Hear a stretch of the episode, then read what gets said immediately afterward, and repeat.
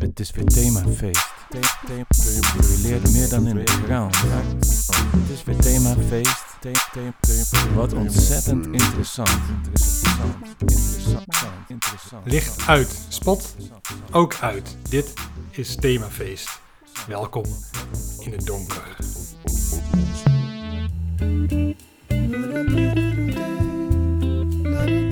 Ja, jij zong net. Je leert nog meer dan in de krant. Mooie tune overigens. Dat is zeker deze aflevering eh, het geval. Want in het donker kun je de krant niet lezen. Daar heb je licht bij nodig. Ja. Maar het themafeest is er zowel in het licht als in het donker. Ja, jij wilde al heel lang een aflevering maken over het donker. Ik denk dat we er heel veel kanten mee op kunnen, omdat het op eh, heel veel emoties inspeelt.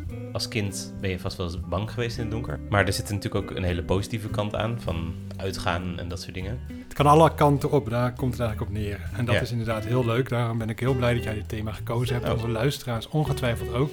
Die zitten, denk ik, allemaal te wachten op de etymologie. Let's go. Hey, waar komt het woord nou weer vandaan? Etymologie. Is het van een Romein of van een Germaan? Etymologie. Tijd om het uit te leggen in een rubriek. Met de tune nog zachtjes als achtergrondmuziek. Etymole, etymole, etymologie. Etymole, etymole, etymologie. Heb je het gevoel dat jij tegenwoordig altijd de etymologie doet? Ja, ik ben toch meer de taalman van ons tweeën. Ah, ja. Eh, niet dat jij niks met taal hebt, dat zal ik nooit beweren. Maar ik heb wel meer met het Oud-Nederlands. Ja. Daar komt toevallig het eh, donker ook uit. Ja, in het Oud-Nederlands bestond het al. Het Oud-Nederlands is het oudste Nederlands dat we kennen. En toen hadden we het woord dunkla al. Dat betekende duister. En eh, dat gebruiken we eigenlijk nog steeds, maar dan zeggen we nu niet, nu niet meer dunkla, maar donker. Saai, hè? Ja. Daarom heb ik er iets Dat aan vastgeplakt. Dacht ik al, ja, zo eh, doe je dat. aan het donker. Ja. Eh, ik heb er iets voor geplakt, namelijk het woord pik. Oh ja, Pikdonker, ken je die uitdrukking? zeker. Ja, waar denk je dat dat vandaan komt? Ja, pik. Niet, denk ik, de pik die we kennen. Die is niet donkerder dan de rest van je lijf. Eh, nee, ja, jij gaat het vast uitleggen. Ja, het is heel makkelijk. Je moet één lettertje vervangen, eh, de i door de e, pek. Dat is heel donker, dus daar komt het vandaan. Ja. Ja, niet heel veel fantasie gebruikt eigenlijk de mensen vroeger. Maar goed, eh, een prima voorbeeld. Je moet gewoon iets kiezen wat ook die kleur heeft. Woestijnbeige. Dat wordt niet veel gezegd. Niet alles redt het ook. Misschien moeten we even uit de etymologie Oh ja, gaan. Etymologie. Het leuke van donker is dat natuurlijk iets donker kan zijn. De kleur donker, ook al is het niet echt een kleur. Maar het kan ook donker zijn. Dan is het meestal buiten, of trouwens ook wel binnen. Als het licht niet brandt, dan is het donker. Maar het is nooit groen. Oh, wat is het hier groen? Als het donker is, is het eigenlijk meer... Het gaat om de lucht om je heen en het, het hele, de plek waar je bent. De hele 3D-ruimte daarvan. Ja. Ja. Ik was in Bilbao in het Guggenheim Museum. Ja. En daar hadden ze een ruimte ingericht waar ze dan heel veel rook spoten. En die rook maakten ze dan met lichten een andere kleur, bijvoorbeeld roze. Mhm. En dan had je het idee, dat vond ik heel vet, dat het dus helemaal donker was. Maar in plaats van dat het dan zwart was, was het roze. Of geel of blauw. Dat was een heel, Ja. eh, heel bijzondere ervaring. Verder is dat natuurlijk een soort pretparkmuseum. Ja. Maar ja. ik vond dat toch wel echt interessant eh, ervaring. En dan zou je wel kunnen zeggen van zo, het is donker, had je toen wel, het is roze. Ja, het is roze, ja. Ja. Eh, jij vroeg net of ik wel eens bang was in het donker, hè? Ja. Heb je daar misschien een ander woord voor? Want ik begrijp je niet helemaal. Oh, ja, nou, ik kan wel iets uit het Grieks eh, doen. Ja? Want eh, bang in het donker, dat is bij kinderen heel normaal. Dan noem je het niet echt een angst. Maar volwassenen kunnen het houden hun hele leven. En dan is er sprake van een nyctofobie. Waarin een nycto Grieks is voor nacht. Mhm. En fobie, Grieks, ook Grieks, voor angst. Hm. Ja, dus eigenlijk angst voor de nacht. Dus ik ben niet zozeer bang in het donker, maar bang voor de nacht. Of het woord is al zo oud dat je alleen donkerte had als het nacht was. Dat er nog geen kelders bestonden. Ik ben wel bang in het donker, soms. De nachten staan erom bekend dat de dieven en de moordenaars dan op pad zijn. Dat heeft vooral te maken met aanwezigheid van andere mensen. Als die er niet zijn en ook niet in de buurt, dan, dan is het gewoon eng. Gek genoeg is dat in het licht minder het geval, omdat je dan toch meer controle hebt. Omdat je in ieder geval kunt zien van een afstandje over een enge man met een mes op je af komt rennen. Ja, En als het donker is, zie je die man niet. En dan is hij er ineens. En daarom ben je er voortdurend bang voor dat hij al in de buurt is. ja, Het heeft natuurlijk een hele nuttige functie om bang te zijn in het donker. vroeger had je nog geen kunstlicht en wel wilde dieren. Dus als je dan geen angst voor het donker had, dan ging je s'nachts lekker eh, rondbanjeren. En dan kwamen de wilde dieren en die aten je op. Terwijl de mensen die wel bang waren voor het donker, die dachten die bleven lekker bij hun haardvuurtje, het enige wat wel licht gaf. En daar waren die dieren bang voor. Die hielden niet van vuur. Dus die Ja. gingen je dan niet eh, opeten. De mensen die bang waren in het donker hadden een evolutionair voordeel. Daarom zijn wij dat nog. Nou, vorige keer hadden we een, eh, nieuwe rubriek geïntroduceerd. Eh, We hebben veel brieven gekregen van luisteraars die zeiden... hou die er alsjeblieft in, want ik vind het een heerlijke rubriek. Ja. Laten we daar naartoe gaan. Een citaat van Harry Oh, jawel. Omdat hij best wel cool is. En zo is het. Een citaat van Harry Mulisch. Ja, Harry Mulisch, eh, dames en heren. Vorige keer hebben we natuurlijk gelezen uit zijn, mag ik toch wel zeggen, bekende roman De Ontdekking van de Hemel. Eh, nu ga ik een stukje voorlezen uit De Aanslag. Ken je die? Zeker. Ja, dat gaat over, eh, over Anton. Dat is een 13-jarige jongen. En die heeft een aanslag meegemaakt vlakbij zijn huis. Is een NSB'er doodgeschoten. En eh, nou, daar heeft hij dan eh, wel of niet iets mee te maken. Maar dan moet hij in het gevang. En daar is het natuurlijk heel donker in de cel. En dan komt hij iemand tegen, een vrouw. En daar praat hij dan mee over hoe donker het daar is. En die vrouw die vertelt dan over een nacht, een paar weken voordat ze daar in die cel zaten, dat het heel donker was. En dat ga ik voorlezen. Ik was bij een vriend in de buurt geweest met wie ik had zitten kletsen en ging pas midden in de nacht weg, ver na spertijd. Is in de oorlog, hè, spertijd. Het was zo donker dat toch niemand mij zou zien. Ik ken de buurt precies en met mijn hand langs de muren en hekken liep ik naar huis. Ik zag helemaal niets. Ik had net zo goed geen ogen kunnen hebben. Om geen geluid te maken had ik mijn schoenen uitgetrokken. Ik zag echt geen moer, maar ik wist al door precies waar ik was. Tenminste, dat dacht ik. Ik zag alles in mijn herinnering voor me. Ik had die weg honderden of misschien wel duizenden keren gelopen. Ik wist elke hoek, elke heg, elke boom, elke stoeprand, alles. En opeens was ik het kwijt. Er klopte niets meer. Ik voelde een struik waar ik een kozijn had moeten voelen, een lantaarnpaal waar de uitrit van een garage had moeten zijn. Ik deed nog een paar passen en toen voelde ik niets meer. Ik stond nog op klinkers, maar ik wist dat vlakbij een singel moest zijn en ik was bang dat ik er bij de volgende stap in zou vallen. Op handen en voeten heb ik daar toen een tijdje rondgekropen. Ik had ook geen lucifers bij me of een knijpkat. Ten slotte ben ik maar blijven zitten om te wachten tot het licht werd. Dat heeft zij meegemaakt. Het was in het donker. En ze dacht van, eh, ik ken de weg wel. Ja. Maar het bleek toch niet zo te zijn. En dan merk je toch dat licht wel echt heel handig is als je bijvoorbeeld de weg eh, wil vinden. Dat had Harry Mulisch heel goed door. Ik, ik vind het ook wel mooi geschreven. Ja, hij kon wel wat. Ja. ja. Nee, dat, en dat- dat gesprekje gaat dan wat verder. En dat is eigenlijk een weg die ik nu eh, in wil slaan. Eh, want dan hebben ze de hele tijd over dat donker. En dan op een gegeven moment zegt ze, laten we het over het licht hebben. En dan vindt het jongetje vindt dat wel goed. En dan zegt zij dat ze een gedicht heeft geschreven... waarin ze de liefde vergelijkt met het licht. Want dat is het licht dat in iemand zit... die van iemand anders houdt. De haat is de duisternis. Dat is niet goed. Hoewel, de fascisten moeten we haten en dat is wel goed. Hoe kan dat eigenlijk?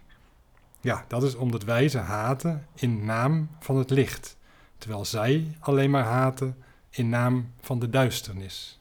Zie je, het maakt Harry Mulisch, en hij is niet de eerste die dat doet, legt hij een verband tussen duisternis, het donker, en het kwaad. Ja. En tussen het goed en het licht. Waarom zou dat toch zo zijn? Ja, nou, ik denk inderdaad wat je net zei, dat, dat er een evolutionaire angst voor het donker in ons zit.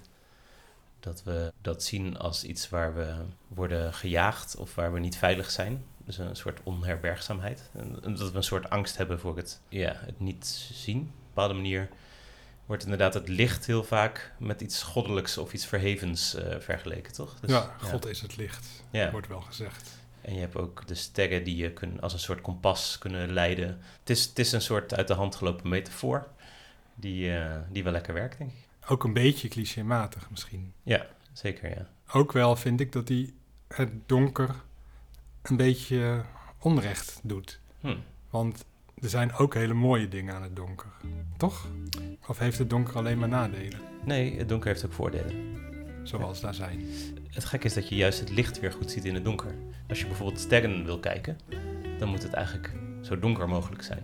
Het woord lichtvervuiling bestaat ook. Ja. Dat is eigenlijk weer een soort afkeur van licht. Dat licht als iets slechts zien en donker juist als iets moois zien. Donker geeft ook een soort rust, een soort prikkelloosheid. Maar je kan ook bijvoorbeeld denken aan de, de donkere kamer. Die hadden een beetje hobbyfotograaf tot en met de jaren tachtig hadden ze dat in hun huis om foto's te ontwikkelen. Mhm. Dat is ook fijn dat je dan niet, als er dat licht is, dan mislukken je foto's. Ik kon alleen soms een klein beetje rood licht doen. Als je wil weten hoe dat zit, dan moet je eigenlijk de infrarood aflevering van Themafeest luisteren. Ja. Dat is de, de minst energetische lichtvorm. Dus een donkere kamer. Ja, je hebt ook nog de dark room in bijvoorbeeld een club. Daar kan je bijvoorbeeld de liefde bedrijven zonder dat iemand het ziet. Dus de anonimiteit. Dat kan ook iets moois zijn. Ik denk ook dat wat voor sommige mensen mooi is, dat het voor anderen weer angstig is. En ook bijvoorbeeld op een feest of zo is het ook sfeervol als het donker is. ja, maar niet te donker. Tenminste, dat, Nee. dat vind ik. Of ik denk dat iedereen misschien een bepaalde mate van donkerheid heeft die hij ideaal vindt. Mhm. Je, hebt, je had ook zo'n club De School in Amsterdam. Die is net Ja. dicht. Dat vond ik Mhm. echt een kutclub. Oh. Terwijl die heel erg opgehemeld werd. Maar daar was het altijd zo donker. Ja, Dat vonden heel veel mensen heel prettig. Omdat je daar totaal anoniem kon dansen. ja, ja. Maar ik hou er toch ook wel van om tijdens het dansen enigszins contact te hebben met de mensen om me heen. Anders kun je net zo goed in je eentje thuis gaan dansen. Ik ben daar maar heel af en toe geweest. En dan vond ik het wel weer bijzonder dat het zo anders was dan andere plekken waar ik kwam. Dat het zo donker en zo... Er was dan ook nog heel veel rook. Een hele donkere muziek. Dat betekent blijkbaar ook iets. Maar ik zou zeker niet daar elke week willen zijn, nee. Waar zou jij elke week willen zijn? Café Eik en Linde. In Amsterdam. Ja. Donker nog licht. Beetje Ja. schemerig. Ja, nou ja, want je hebt dus ook als je een romantisch diner of zo... dan doen mensen vaak bij kaarslicht dat dat romantischer is of zo, toch? Maar ik ben ook wel eens eh, door iemand op een date gevraagd... naar zo'n restaurant waar je helemaal niks ziet. Oh ja. Ja, en ik twijfelde een beetje of ik haar überhaupt leuk vond. Maar ik heb toch ja gezegd, omdat ik dacht, het is wel een leuk voorstel. En dat was dan een restaurant, dat werd dan gerund door mensen die blind waren. Oh ja. Dus het idee was dat je dan net zoveel zag als zij.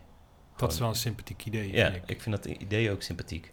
Er gaan dus heel veel stelletjes heen die daar dan een beetje gaan smoezelen. Hmm. Dus het is ook een beetje, het is heel obvious of zo, dat je dat gaat doen. Dus dan ga je, dan vindt iedereen het heel bijzonder dat je gewoon ontzettend kan lopen bekken tijdens het diner, terwijl je wacht op je volgende gang. Maar ik vond haar niet zo heel leuk, dus ik vond dat eigenlijk heel, heel vervelend dat dat gebeurde. Oh ja. Maar het was wel natuurlijk grappig dat je ook niet ziet wat je te eten krijgt. En dat is ook een soort, denk een soort evolutionair iets dat je eigenlijk altijd eerst even je eten bekijkt van wat gaan we eten en ziet het er lekker uit. Ja. En dat, was, dat kon nu ook niet. En je moest het ook eigenlijk met je handen naar binnen werken. Nou, het was wel een ervaring, maar ik vond het ook een beetje... Op een of andere manier vond ik het een beetje een kitschige ervaring. Oh ja. Ik weet niet waarom. Een beetje net zoals dat eh, museum in Bilbao. En wat heb je daar gegeten? Weet je dat nog? Of weet je, heb, ben je daar nooit achter gekomen? nee, nee, ik weet het niet precies, nee. Ik weet wel dat we de... Het was in Berlijn of zo. Ja, en het was, het was niet echt een tent die heel hipster is. Want dit is gewoon een heel ja, cliché ding. Ja. En we hadden dan de vega variant gedaan. Dus je kon allerlei eh, dingen kiezen. Het waren een soort gebakken aardappeltjes met eh, wat groenten. Hm, kan toch weinig misgaan, zou je zeggen. Ik denk dat deel van de smaakervaring ook is hoe het eruit ziet. Je hebt toch wel in hele dure restaurants worden dingen wel heel mooi gemaakt altijd. Ja, zeker. En dat, dat heeft wel wat. Nee, je proeft ook deels met je ogen. Ik bedoel, dus doe niet voor niks kleurstoffen ook in eten, zodat het er lekkerder uitziet. Of zodat de smaak matcht met, eh, Ja. met hoe het eruit ziet. Ja, precies. Dat gaat allemaal langs je heen in het donker. Ja. Doe het niet. Ik denk dat veel luisteraars wachten op eh, de aangekondigde rubriek. Die hebben we niet nu al aangekondigd, niet in deze aflevering, maar al wel eerder. Namelijk eh, bellen met een expert. We zullen nog altijd een keertje gaan eh, bellen met kok Brandon over zuur. Ja. Zuur in de keuken. Mhm.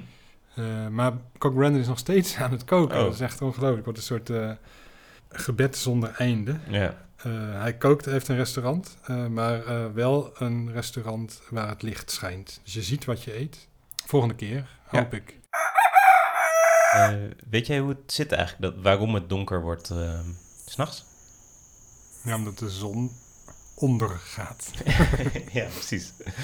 Ik, ik, het is, het, ik denk dat iedereen het wel ongeveer weet. Alleen ik, toch word ik er altijd heel... Het is een beetje cliché ook, maar een beetje nietig van als ik erover nadenk hoe dat dan zit. Dat we Dus de aarde die draait rond en daardoor... Je bent toch altijd een beetje dat je de mens centraal stelt en dat je het idee hebt dat de zon ondergaat. Maar wij draaien gewoon weg. We draaien gewoon een rondje per dag om onze as als aarde. Ik zeg wel wij voor de aarde. Ik voel me wel echt Ja, ik voel me ook echt een aardling. aardling. Hè? Ja, de, eh, daarom wordt het eh, donker en licht. Maar het is natuurlijk ook nog zo dat het in de winter veel donkerder is in de- dan in de zomer. En dat komt omdat onze planeet een beetje in een hoekje staat. Dus we draaien niet met een rechte as in een jaar om de zon heen, maar onze as staat scheef. En daarom zit in de zomer zit het noorden dichter bij de zon en in de winter zit het zuiden dichter bij de zon. Het is ook niet overal winter. Het is het noorden nu winter en in het zuiden zomer. Maar op sommige plekken is het zo winter eh, daar zitten ze zo ver in het noorden, in het getilte noorden, dat ze zo ver van de zon af zijn gedraaid, dat het zelfs overdag de zon niet opkomt. Ja, En dan wordt het, eh, ja, bijvoorbeeld op Spitsbergen is het iets van 56 dagen geen zonsopkomst. Maar er wonen wel mensen. dat zijn mensen die dan denk ik eh, niet zoveel geven om zonsopgang. Nee, Of ze zijn natuurlijk toevallig terechtgekomen en hebben allemaal eh, verbindingen met andere mensen daar. ja, dat hun vrienden wonen daar Ja, toevallig. Dat ze denken, nou, ik zou wel naar eh, Berlijn willen. Schijn je ook heel leuk uit eten te kunnen. Ja. Maar ja, ik heb hier toch mijn vrienden. Dus ik blijf hier toch op Zwitsbergen. En je kan nog eh, gewoon walvis eten. Ja, dat is wel weer een voordeel als je daarvan houdt. Ja, twee dingen die ik daar nog over kwijt wil. Het is natuurlijk ook zo, kijk, eh, wij houden ook van lekker weer, toch? Maar we wonen wel in Nederland. Ja. En het is hier niet zo vaak mooi weer. Nee. Maar het is wel fijn als het op een gegeven moment lente wordt. Dan word je, krijg je lentekriebels. Ja. Als je op een plek zou wonen waar het altijd zomer zou zijn, zou je nooit lentekriebels hebben. Dus dat hebben zij, als de zon dan weer opkomt, is het natuurlijk wel mooi. Ja. En dan hebben ze daarna de hele zomer dat het licht blijft. Dus het is gewoon heel anders, maar misschien niet per se slechter. Maar een andere reden waardoor je daardoor een beetje gek wordt op zo'n plek, is dat wij hebben als mens in ons hersens ehm, een reactie op licht. Dat licht remt het slaapstofje melatonine. Daar heb je wel eens van gehoord, toch? Melatonine. Mhm. Dat is hoe slaperig, je slaaphormoon. En als je blauw licht in je ogen krijgt, dan gaat dat slaaphormoonproductie uit. Hm. En als het donker is, dan gaat die dus aan en dan word je op een gegeven moment slaperig. Maar als het dus altijd donker is, word je nooit echt lekker wakker. Tenzij je neplicht in je ogen gaat schijnen. Maar het, het, het, ehm, je nachtrust gaat er een beetje aan. Nou, dat lijkt me voor die mensen heel vervelend. Ja. En dat dan niet een beetje? Niet echt, want het is dus niet het hele jaar zo. Dus het is gewoon een beetje... ehm, Ja, je moet het een beetje artificieel eh, opwekken allemaal. De, de slaap en de wakker wordt. Ja.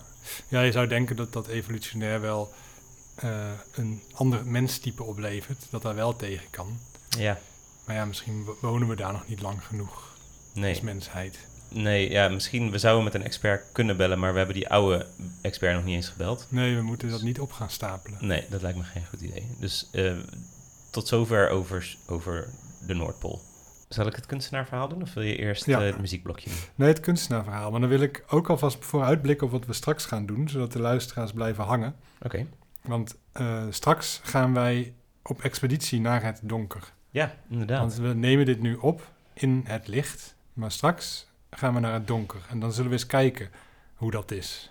Maar nu eerst de kunstwereld. Je zou dit als een actualiteitje kunnen zien, maar het is nieuws uit 2019. Dus we hebben ervoor gekozen om niet die rubriek te doen van het actualiteitje. Maar er is in de kunstwereld eh, ruzie geweest, omdat er een super zwart is ontwikkeld in de ruimtevaart. Dat heet Venta Black.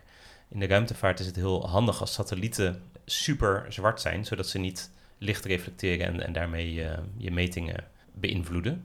Dus die, de, de hyperzwart vorm, dat is het donkerste zwart wat er is, die neemt 99% van alle straling op. Dus die weerkaatst bijna niks en daardoor zie je er ook bijna niks van. Dus het grappige is, als je een object hebt dat die kleur is, dat Venta Black, staat hier bijvoorbeeld een foto op mijn scherm van een unicorn in het wit en in het Venta Black. En in het witte zie je alle contouren van die unicorn en zie je schaduwtjes vallen rond de ogen en de neus. Eh, maar bij de hyperzwarte versie, daarin zie je eigenlijk alleen maar het contour en verder helemaal niets. Zie je dat? Ja, Of eigenlijk? zie je dat niet. En toen is dus in de kunstwereld dacht ze, hé, hey, wij willen dat materiaal ook kunnen gebruiken. Maar toen heeft de ontdekker daarvan, die heeft er een patent op aangevraagd en die heeft het alleen maar aan één kunstenaar verkocht. En omdat er een patent op zit, is dat de enige kunstenaar ter wereld die die zwartvorm mag gebruiken. En die man die heet Anish Kapoor. Die heeft het exclusieve gebruikrecht daarop. En daar werd iedereen ziedend om. Omdat zij dachten van ja, dit is toch gewoon een kleur, die moet iedereen toch kunnen gebruiken. Maar de manier waarop je die maakt, die is nou eenmaal gepatenteerd. En toen heeft iemand anders, die heette Stuart Sample, die heeft ook een eigen kleur gemaakt. Een bepaald soort roze, die ook alleen maar met één specifiek mineraaltje gemaakt kon worden, waar hij een patent op heeft aangevraagd. En dan heeft hij gezegd, de hele wereld mag dit gebruiken, behalve meneer Kapoor. En toen hadden ze ruzie gekregen en toen heeft Kapoor toch die eh, verf eh, weten te bemachtigen, omdat er natuurlijk niet zo heel goed op gecontroleerd werd. En toen heeft hij zijn middelvinger daarmee eh, roze geverfd en dan heeft hij daar een foto van gemaakt en heeft hij dat als kunstwerk weer gepubliceerd. En nu hebben ze voor altijd ruzie. Oh, dat is niet leuk. Met ruzie vind ik niet goed. Ik bedoel, ruzie kan soms goed zijn om eh, uit een impasse te geraken, maar daarna zou je het toch moeten bijleggen. En voor altijd ruzie is niet goed. Nee, maar soms gaan kunstenaars of artiesten ook wel expres ruzies aan om in het nieuws te komen. Dus misschien hebben ze dat wel gedaan. Ja, dat zou goed kunnen. Ja. Daar trappen wij dan weer met beide ogen in. Ik zou wel eh, zin hebben in wat muziek.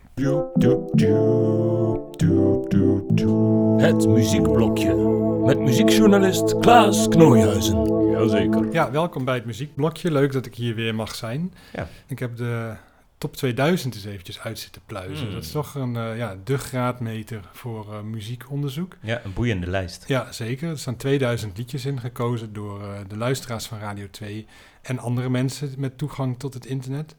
Hm. En ik heb daar gezocht naar liedjes over het donker en liedjes over het licht. En nu blijkt dat er echt superveel liedjes over het licht zijn, zoals Paradise by the Dashboard Light van eh Meatloaf. Hm. Maar bijvoorbeeld ook eh, Leave the Light On van Bret Hart, staat op nummer 283. Ik Hm. had hem er niet op gezet zo hoog, maar eh, ja, is toch gebeurd. De, de Smiths, bekende Britse popgroep, There's a Light That Never Goes Out. Je hoort, het zijn allemaal liedjes over, over het licht en ook licht dat altijd maar moet blijven branden. Zijn positieve licht, eh, liedjes, zou ik Ja. haast willen zeggen. Ja. Eh, als je naar het donker kijkt, de donkere liedjes in de top 2000, dat zijn veel negatievere liedjes. Het zijn er sowieso veel minder. Maar je hebt bijvoorbeeld het nummer Fear of the Dark van Iron Maiden, dus angst voor het donker. Eh, en Chef Special heeft ook zo'n soort titel, die heeft namelijk Afraid of the Dark. Hm. Betekent eigenlijk hetzelfde. Eigenlijk heb je alleen Bruce Springsteen met Dancing in the Dark, die er dan een soort positieve draai aan geeft. Zo kennen we Bruce ook, ja, hè? ja, dat is toch eh, schouders eronder en eh, we maken er het beste van. Ja. Maar goed, opvallend, meer, veel meer liedjes eh, over het licht en ook met een positievere insteek. Het zegt ook iets over de top 2000 stemmer natuurlijk. Ja, ze zijn positief gestemd, die mensen. Ja, ze hebben, ja. Ze hebben ook positief gestemd. Ja. Maar is er, zijn er dan geen, eh, wat jou betreft, mooie liedjes die over het donker gaan? Ja, oh ja, zeker. Ik heb, het, eh, ik heb eventjes gekeken, denk ik, naar de Nederlandse eh, muziek van de laatste pak een beetje 20 jaar. Hm. Je hebt nu een hele populaire zangeres, die heet Vrouwtje. Daar heb je misschien wel eens van gehoord. Zeker, ja. Die heeft vorig jaar een EP uitgebracht, die heet Licht en Donker. Dat Dus gaat eigenlijk over gaat over allebei. allebei. Ja. Ja. Maar het eh, titelnummer gaat dan eigenlijk over tussen licht en donker. En daar zit dan wat haar betreft de schemering, wat ook eh, klopt. En volgens haar komt uit die schemering het mooiste voort. Zij zegt, ze vergelijkt dan de, de, het licht en het donker met de liefde en de haat. Hm. En tussen haat en liefde zit iets explosiefs, zegt zij. Want ergens tussen licht en donker zijn we diep gezonken. Er ligt liefde op de bodem van de oceaan. Ik kan nooit meer slapen, want ik moet het halen. Ik moet heel diep duiken voor de zon weer ondergaat. Terwijl eh, Young Allens, dat is een hele bekende rapper, die eh, misschien al een beetje op zijn retour is. Hij heeft een liedje eh, dat heet Donker. En nu moeten misschien de ouders hun eh, kinderen eventjes ehm, de kamer uitzetten. Oké. Da- want hij heeft expliciete teksten, daar is niet iedereen van gediend. Hij zegt, hij zingt in het refrein... Niemand wil je zien, bitch, ik neuk je in het donker. Dat is eh, ja, de kernzin van zijn liedje Donker. En het gaat er dan eigenlijk om dat hij dus eh, ja, liefde heeft met iemand in het donker. En het wordt niet helemaal duidelijk waarom, maar het lijkt erop omdat die bitch niet zo heel aantrekkelijk is. Hij zegt dan wel dat ze een hunkermulle lingerie heeft in het rood. Hm. Hoe hij dat kan zien in het donker weet ik niet precies. Maar Jong Ellens eh, is misschien niet zo'n goede tekstschrijver als vrouwtje. Ik weet ook niet zeker of het over een vrouw gaat trouwens. Want eh, in de dark room, waar hij het misschien wel over heeft, is ook wel echt een uh, mannenaangelegenheid. Ja, ja, ja, bij bitch denk ik nog steeds heel ouderwets aan vrouwen. Ah, ja. Je kunt natuurlijk een man ook eh, net zo goed een bitch noemen. Ja. Ja. Nee, en zo, hebben meer mensen liedjes gemaakt eh, over het donker. Marco Borsato heeft een eh, hele bekende eh, tekst over het donker. Hij zegt dan, het donker zet het licht op al mijn angsten en mijn vragen. Dat is ook mooi, hè? Het donker zet het licht Hm. op al mijn angsten en mijn vragen. Dat liedje- Actueler dan ooit. ja, dat liedje heet ook Het Donker. Hm. En hij zegt eigenlijk dat hij, als het licht is, dat hij dan ja, zijn pijn kan vergeten. Overdag ben ik oké, zingt hij. Hm. Maar zodra het donker wordt, dan kan hij eigenlijk niet meer om eh, de waarheid heen. Ja, ja. ja. Ja, dus voor hem is eigenlijk gek genoeg het donker ja, een, een periode waarin je niet kunt verbloemen wat er eigenlijk gaande is. Terwijl meestal kun je juist in het donker wel heel veel verbloemen, omdat je het immers niet ziet. Terwijl het eh, daglicht, het volle licht erop schijnt. Dus zo eh, Ja. ja. zie je dat er, dat er toch heel veel eh, tinten bestaan tussen het licht en het donker. Nou, ik eh, sla er even een paar over, maar ik top af met Ronnie Flex. Ah. Ons aller Ronnie Flex. Ja. Die heeft wel een hele mooie quote op zijn eh, debuutalbum De Nacht is nog jong, net als wij voor altijd. Ook weer mooi, hè? De Ja, nacht ja, is ook donker natuurlijk. Ja. En daarin, daarop staat een liedje dat heet In het donker. En het refrein daar luidt... Wij zijn allemaal hetzelfde in het donker. En dat raakt denk ik een beetje aan wat mensen zo mooi vinden aan de school. Omdat het donker is, zie je elkaar niet... en kun je er een soort van bij fantaseren dat iedereen gelijk is. Ik vind Ronnie en ehm, Harry Mulisch de, de mooiste teksten van deze aflevering eh, geleverd hebben. Nee, Ronnie en Harry, dus ze hebben elkaar niet gekend. Dus dat is een groot gemis, maar ook wel weer mooi dat ja, waar, de, waar het ene genie verdwijnt, het andere genie verschijnt. Toch? Ja, een soort reïncarnatie. Mooi. Ehm, misschien is het tijd om het licht uit te doen hier. on the road again. Just can't wait to get on the road again. The life I love is making music with my friends. And I can't wait to get on the road again. On the road again. Hallo, Klaas en Wisse mobiel. We hebben de draagbare microfoon nu bij ons. En we staan nu nog in de woonkamer, maar we staan op het punt hier het licht uit te doen. Ik eh, zal dat ook laten horen. En we lopen nu de, ja, hoe noem je zo'n ruimte eigenlijk? De meterkast. Oh ja, de meterkast in. Het is heel toepasselijk ook een ruimte van ongeveer een vierkante meter. Dus we staan redelijk dicht op elkaar. Nu nog met het licht aan in deze meterkast. Ja, Vrouwtje heeft een liedje over de meterkast. En Wat, Die zingt, eh, ik zit in de meterkast, Ja. ik wilde kijken of het paste Hm. en het past. oh ja, En wij staan nu ook in de meterkast. ja, met z'n tweeën. Het past, Past. Niet te ruim, maar het past. het past. En dan gaan we het licht maar uitdoen, denk Ja. ik. Hè? Zal ik tot drie tellen? Ja. 1, 2, 3. Wow. Wow. Nu zie ik helemaal niets. Ja, het is moeilijk. Normaal als je een reportage maakt, dan, dan omschrijf je wat je ziet. Maar we zien niks.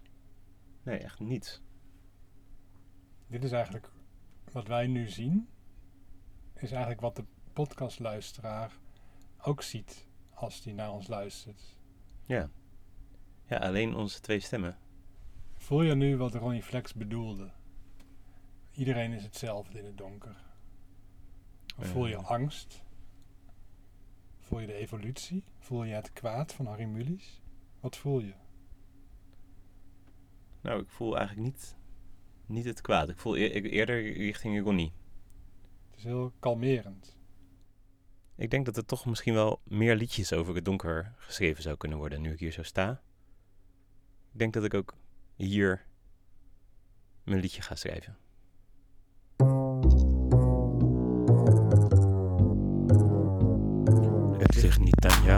Maar ik doe vandaag het licht niet meer aan. Het wordt duister. Als ik moest kiezen tussen licht en donker, voelt kiezen voor donker juister. In het donker zie je niks, zijn we gelijk. We zijn overal, we zijn iedereen. Ronnie Moelisch, Harry Flex, vrouwtje. Ergens,